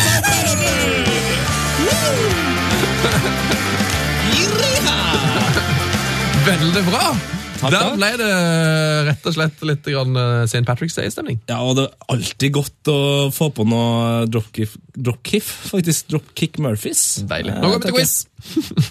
Ja, jeg tenker det. Heia fotball! Hei, hei. ja. ja, Litt eh, dårlig programledelse, da. Det tar jeg allerede nå kritikk for. Uh, tar imot kritikk for det. Tusen takk. Beklager. Eh, Nei, jeg syns du har vært flink. ja vel. Du om det. Eh, vi har en quiz som heter Gjett-spilleren. Det stemmer. Mm, og da skal du bare rett og slett gjette hvem er dette. Det kan være greit å kunne kommunisere med folk hvis det skulle skje noe eh, på den på hjemmebane, da, holdt jeg på å si. Så Mm, ja, Dette var forrige ukes quiz. Eh, Hvem var dette? Du klarte det vel ganske kjapt, Tete? Eh, gjorde jeg det? Nå har jeg helt glemt det. Jeg har vært på rocketurné, vet du, så det My brain is not working right. Det er iallfall veldig veldig mange som klarte denne uka. Det er selvfølgelig vår alles favoritt-strømskuterspiller, Solbrun som få. Jaha. Det er Tommy Høiland. Det er Tommy Høiland, og en som har svart eh, 100% riktig på det, er ikke Ole Skuggevik, men det var han som kom med St. Patrick's eh, Day-exil. Ja! Ole Skuggevik! Veldig bra. Veldig bra. Nei, det som er det riktige her, det er altså Mauli. Mauli? Nei da, han heter Marius Stavnes. Han skriver svaret på årets, årets ukas quiz er Solkongen Tommy Høiland! Podkasten er rå, bedre enn sex. Ukas høydepunkt ved siden av ukens sex. Sendt fra min 69. Nei, nei, nei, nei, nei, nei, det var mye humor. Ja. Du får en Heia Fotball-T-skjorte i posten. Ja, han eh, går for en størrelse medium, og det er, blir faktisk eh, utrolig, men sant, den siste mediumen vi har. Da. Så nå er vi tom for large. Large og medium. Oh, vi får bestilt oss nye. Ja, Du, nei, vi, vi fant en large, gjorde vi ikke det? Jo, kanskje. Ja, ja, men Det begynner å gå veldig tomt, men hvis du vil være med i vår eh, Hvis du vil vinne den T-skjorta, eh, så må du sende inn adresse og ønske T-skjortestørrelse. Det begynner å bli veldig ribba. Ja, Du burde være petit eller humongous! Veldig gjerne hvis du er en XXL her. Ja. Så er det på tide å svare. Ja. Um, vær med i neste ukes quiz. Send inn svar til heiafotballkrøllalfa.nrk.no. Spørsmålet er hvem er dette? So I, I'm still young, and I think that already from last year, I'm already bigger, like in my head. Oi. Ja, det hørtes eh, kjent ut. Her er det noen som snakker Det er veldig artig at det høres jo faktisk ut som eh, Pelé, um, når det liksom er dratt ned i tempo. Så man må se for seg at ja, han ligner, altså stemmen ligner kanskje litt på Pelé, men han snakker jo litt kjappere enn her, egentlig. Han gjør nok det. Mm. Det er, jeg kan si det, det er ikke Pelé. Men hvis du vet om det, heia fotballkrøllalfa nrk.no.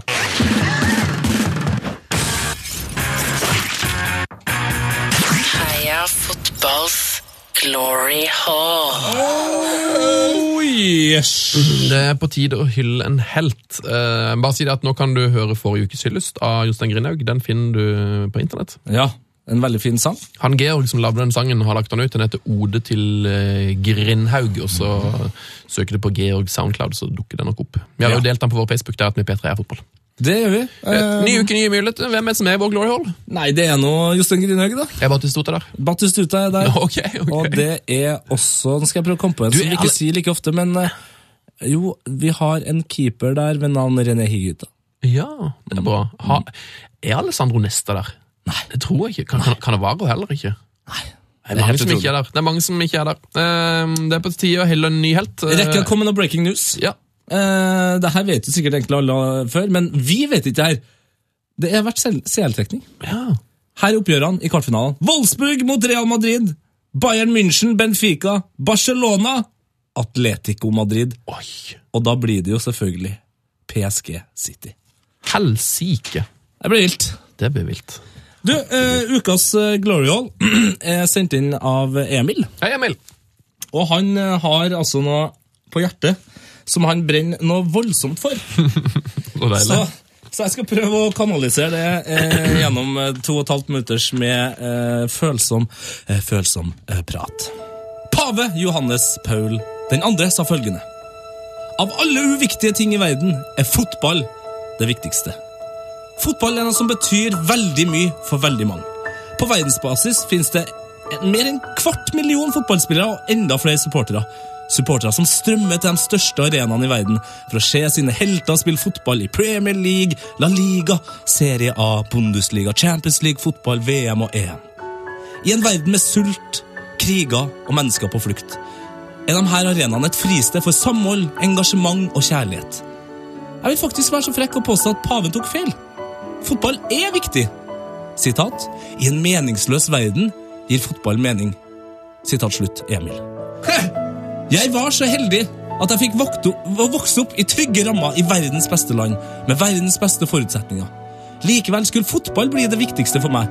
Fra jeg var liten gutt, tok pappa meg med på Lerkendal for å se Rosenborg, Champions League og Tippeligaen. Jeg har, i likhet med veldig mange andre, søkt til utlandet og latt meg fascinere av de største ligaene. Men når det nærmer seg mars måned, og Barcelona fortsatt er verdens beste fotballag, og Bayern München har avgjort Bundesliga for lenge siden, da, da er det noe som begynner å røre seg i et lite, ubetydelig land langt unna resten av fotballverdenen. Plutselig, til og med nå, blir fotball viktig. Det vil si, utenlandsk fotball blir uviktig, men det er tid for avspark i Tippeligaen. Kanskje Brann har henta en spennende junior fra Estland, kanskje Kjetil Rekdal har slutta å drikke pærebrus, kanskje Rosenborg endelig har fått sorte seter på alle tribunene. Glem Liverpool, glem Zlatan, glem lønna til Ronaldo. Fra og med nå og ut september er det kun én ting som gjelder, nemlig Tippeligaen. Sju måneder med middelmådig fotball, halvfulle tribuner og ubetinga kjærlighet. Jeg blir varm langt inn i hjerterota. I vår tid er det lett å se seg blind på stjerner, penger og fantastiske prestasjoner i det store utland. Men vi må aldri glemme hvor vi kommer fra. Uten Tippeligaen hadde ikke du fått oppleve serieavslutninga i 2004. Du hadde aldri fått sett Håkan Sødøstjerna spille fotball med ei arm. Og Tom Nordli hadde bare vært en vanlig mann. Så folkens, fest setebeltene. Så sier vi opp rådyre TV-abonnement og avlys England-turen i august. Bli heller med på Tippeligaen 2016. Hilsen Emil. Der er tippeligaen i vår glory hall. Velfortjent. Det er velfortjent. eh, For, eh, for altså, Det er den ligaen med best navn. Mm. av alle altså, navnene på ligaen. Ja, for at det er vanskelig å tippe på alle kamper. Ja. Premier League burde jo kanskje også tenke på å kalle det for det. Ja, men det er høy premie der òg. Jeg skal på min første kamp på lørdag. Rosenborg-Godset. Det blir konge. Ja, Um, jeg håper du blir med. ja jeg håper jeg òg. Det håper jeg. Takk for at du hørte på Heia Fotball. Uh, last oss ned, spre, ro, spre ordet. Ha en fin fotballhelg. og- Spre roret. Spre roret. Snakkes! Heia fotball! Heia fotball. Frank de Boer speelt de bal. Heel goed naar Dennis Bergkamp. Dennis Bergkamp. Dennis Bergkamp neemt de bal aan. Dennis Bergkamp. Dennis Bergkamp. Dennis Bergkamp. Dennis Bergkamp. Dennis Bergkamp. Frank de Boer speelt de bal naar Dennis Bergkamp. Die neemt de bal feilloos aan. En ik schiet de bal erin. We spelen nog officieel 20 seconden. Dennis Bergkamp. P3s Heia fotball. Ny episode hver fredag. Last ned din nye favorittpodkast på p3.no. Podkast. P3.